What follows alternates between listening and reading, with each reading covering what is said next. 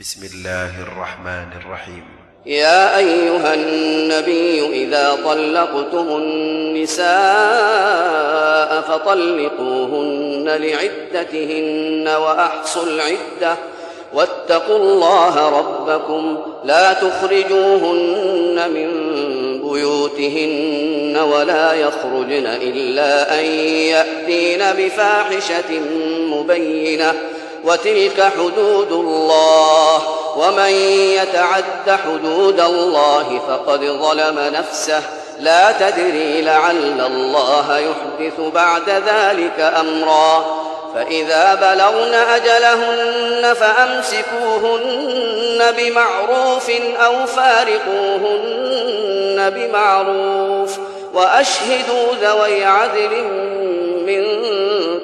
وأقيموا الشهادة لله.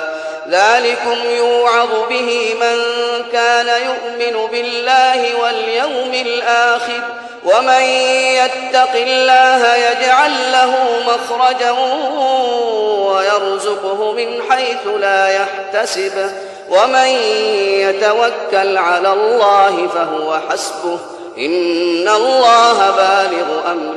قد جعل الله لكل شيء قدرا.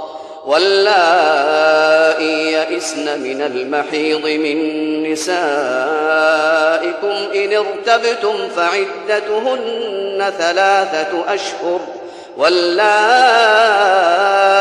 لم يحضن. وأولاة الأحمال أجلهن أن يضعن حملهن. ومن يتق الله يجعل له من أمره يسرا. ذلك أمر الله أنزله إليكم. ومن يتق الله يكفر عنه سيئاته ويعظم له أجرا. أسكنوهن من حيث سكنتم من وجدكم ولا تضاروهن لتضيقوا عليهن وإن كن أولات حمل فأنفقوا عليهن حتى يضعن حملهن. فإن أرضعن لكم فآتوهن أجورهن وأتمروا بينكم بمعروف. وإن تعاسرتم فسترضع له أخرى لينفق ذو سعة من سعته ومن قدر عليه رزقه فلينفق مما آتاه الله. لا يكلف الله نفسا إلا ما آتاها.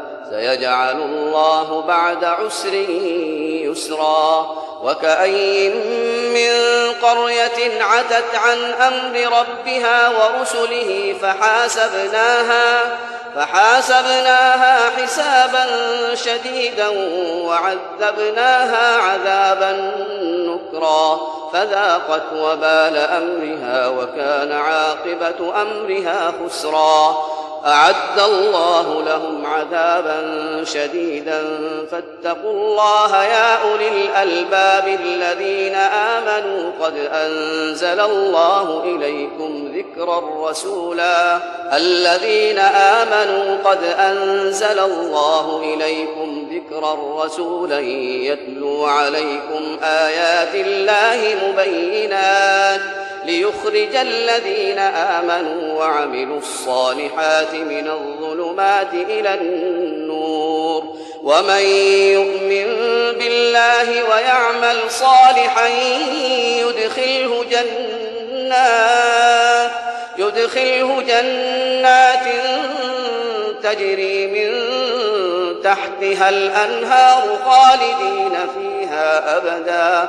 قد أحسن الله له رزقا.